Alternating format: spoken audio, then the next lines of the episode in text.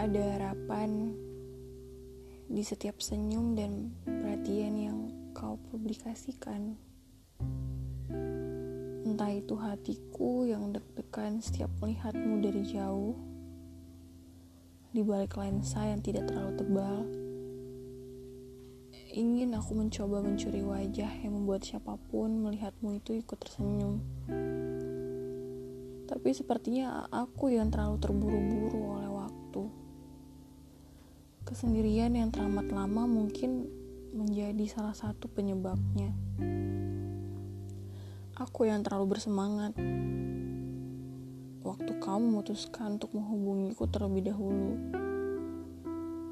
Tapi kau tahu, rasanya seperti ada yang ingin melompat keluar dari dadaku. Iya, meskipun itu cuma kiasan. Masa iya jantungku mau keluar? Lebay deh. Tapi nih ya, sekadar informasi aja buat kamu. Aku itu bukan orang yang gampang membiarkan pesan masuk begitu lama. Hmm, karena rasanya tuh jari-jari aku tuh gemes gitu pengen cepet-cepet balas isi pesan itu tapi nyatanya demi menjaga harkat dan martabat seorang wanita kata temanku udah langsung dibalas.